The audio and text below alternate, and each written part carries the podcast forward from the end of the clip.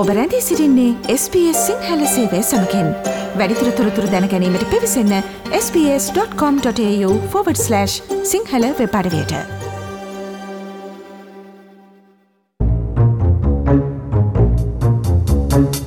ලංකාවෙත් පහුගිය දවස්වල ආණ්ඩුවට විරෝධය පල කරන්න පොලිස් බාධකොල අටැඳුම් වනන විරෝධතාවයක් තිබ්බා. ලංකාව මිනිස්සුන්ගේ අමාරුතත්වය ගැන අතිශයොක්තියට නගලා මගේ මිතුරෙක්කය ගැන කිව්වේ ඇඳන් ඉන්න වැයි ඉරිලා ඒව වෙනුවත් මිනිස්සු හිනාවේවි ඒක නිසා කඩෙන් අලුත් ඒවරන් යනවා කියලා වනන්න. කොහමරි ඔස්ට්‍රේලියාවත් එක පලාතක තියෙනවා ඔය වගේ අටැන්දුම් ප්‍රදර්ශනය කරන තැන. ඒ අරමුණකට. මරේ ගංගා වසල නිවසෞතේස් ප්‍රාන්තය පිහිටි ඒ කුඩා නගරයට තමයි මේ සිකුරාද ඔස්ට්‍රේලියන් රූරල් බිටි චාරිකාවෙන් අද මං ඕගුලංව අරගෙන යන්නේ.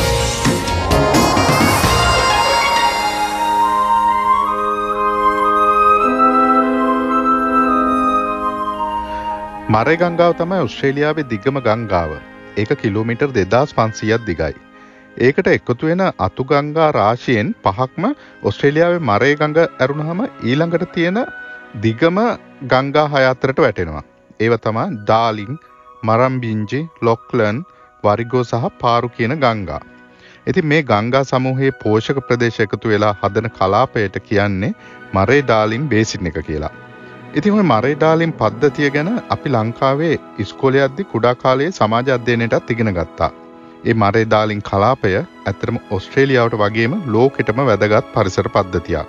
ඔස්ට්‍රේලියාවේ භූමියෙන් හතෙන් එකක් මේ පරිසර පද්ධතියට අයිති වෙනවා.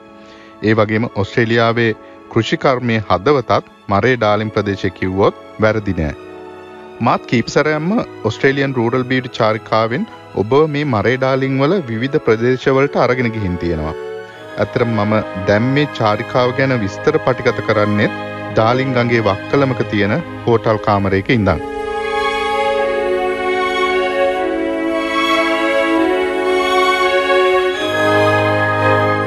අද අපි යන්න හදන ප්‍රදේශය තියෙන්නේ දැම්මන් ඉන්න විල්කැනිය නගර ඉඳන් කිලෝමීටර් පන්සීයක විතර දුරකින්. ඉතින් ඒ ප්‍රදේශය තමයි යෝධ මරේ ගංගාවට ළඟින් පිහිටි කුඩා සුන්දර ගම්මානයක් වෙච්ච මතාරා. මරේ ගංගාව තමයි වික්ටෝරිය සහ නිවසෞතේස් ප්‍රාන්තයේ මායිම. ඉතිං මතාරක් තියෙන්නේ වික්ටෝරයානු ප්‍රාන්ත සීමාවට ආසන්නෙන්.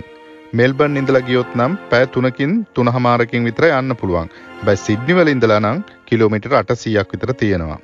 මේ හරේ රට ඇතුළෙන් යන කොබ් හයිවේකේ අද්දි ඩෙනිල්කින් සහ එච්චුකා නගර අතර තමයි මතාරා පිහිටල තියෙන්නේ. මම ඔය පැතිවල වැඩ කරද්දි සමහර වෙලාවට මෙල්බර්න් වලට යනවා මගේ යාළුව හම්බෙලා එන්න. ඔහොම යන වෙලාවල තමයි මම මතාර හරහා යන්නේ.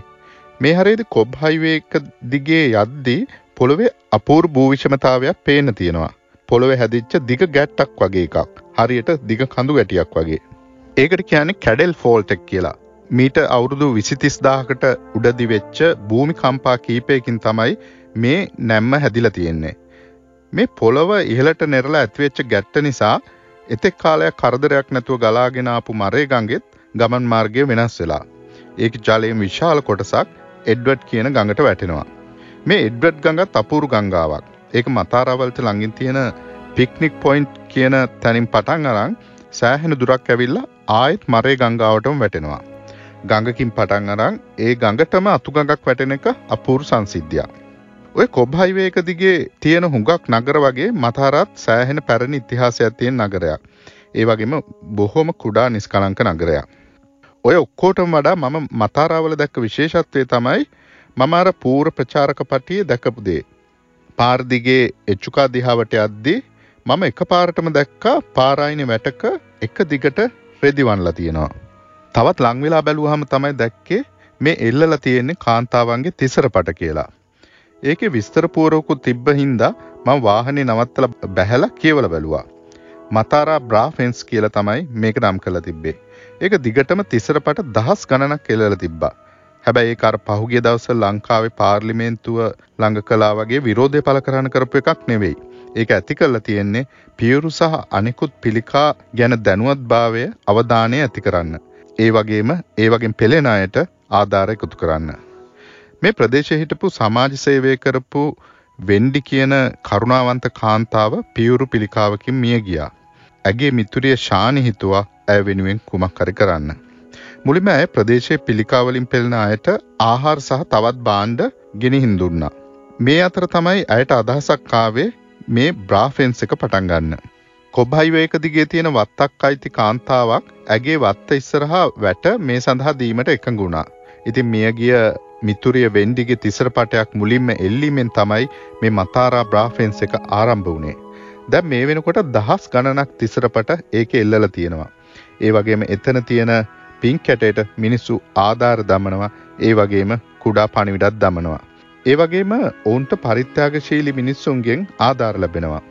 ඒ මුදල් වලින් පාරිභෝගික භාණ්ඩ වගේම ඉන්ධන වවුචර මිලදී අරගෙන පිළිකාවලින් පෙළෙන ප්‍රදේශවාසීන්ට ඔවුන් ලබා දෙනවා. ඇත්තරම පිළිකා සඳහා ප්‍රතිකාර ලබා ගැනීමට මේ ප්‍රදේශයේ අය බෙන්ඩිගෝ නගරයට යන්න පැය දෙකකුත් මෙල්බර්න් යනවා නම් පැය තුනක් තුනහමාරකුත් යනවා. ඉතින් මේ ඉන්ධන වවුචර ඔවුන්ට විශාල අස්වැසිල්ලක්. ශානි මුලින්ම හිතුවා වගේම මේ බ්‍රාෆෙන්ස් එකට විශාල අවධානයක් ලැබුණා. දැන් ඇත්තටම මතාරා ජනප්‍රිය වෙලා තියෙන්නේත් මේ බ්‍රාෆෙන්ස් එක නිසා. මතාරා කුඩා නගරයක් වුණාට ඒ අවට මරේ ගංගාව නිසා ඇතිකරපු පරිසර කලාපය තුළ සුන්දර ස්ථාන රාශියක් තියෙනවා. නගරයට නැගෙනහිරින් තියෙන මිලවා වනාන්තරය තමයි ලෝකයේ තියෙන විශාලතම රෙඩ්ගම් වනාන්තරය. ඒ වගේම මතාරවලට ආසන්නයේ තියෙන මරේවැලි ජාතික වනෝද්‍යානයත් නරඹන්න සුදුසු දර්ශනීය ස්ථානයක්. ඒ මරේවැලි වනෝද්‍යානයට යද්දි හම්බවන ගල්පා ක්‍රීක් සක්මන් මාර්ගය දිගේ යද්දි හම්බ වෙනවා මේ පැත්තේ හිටපු යෝටා යෝටා කියන ඇබොරිජින් ගෝත්‍රය මීට අවුරුදු දහස් ගණනකට කලින් හදපු ලොකු උදුන්. එහෙම නැත්නම් රෝස්ට් කරලා කන අවන්. ඔවුන්ගේ භාෂාවෙන් මතාරා කියන්නේ හුලන් සහිත ප්‍රදේශය කියන එක. මතාරාවලට මුලින්ම නම වැටුනේ එහෙම. මතාරා නගරේ බ්‍රාෆෙන්ස් එකේ මම ගත්ත ඡායාරූප ඔබට SBS සිංහල Facebook පිටුවට ගියොත් බලා ගන්න පුළුවන්.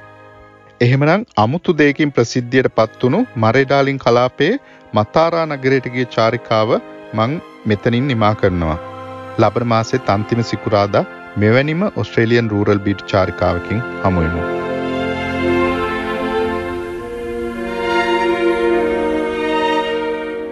SBS SBS SBS SBS SBS SBS Radio like කරන්න ෂයා කරන්න අදහස් ප්‍රකාශ කරන්න SBS සිංහල ෆස්බුක් පිටුව ෆලෝ කරන්න.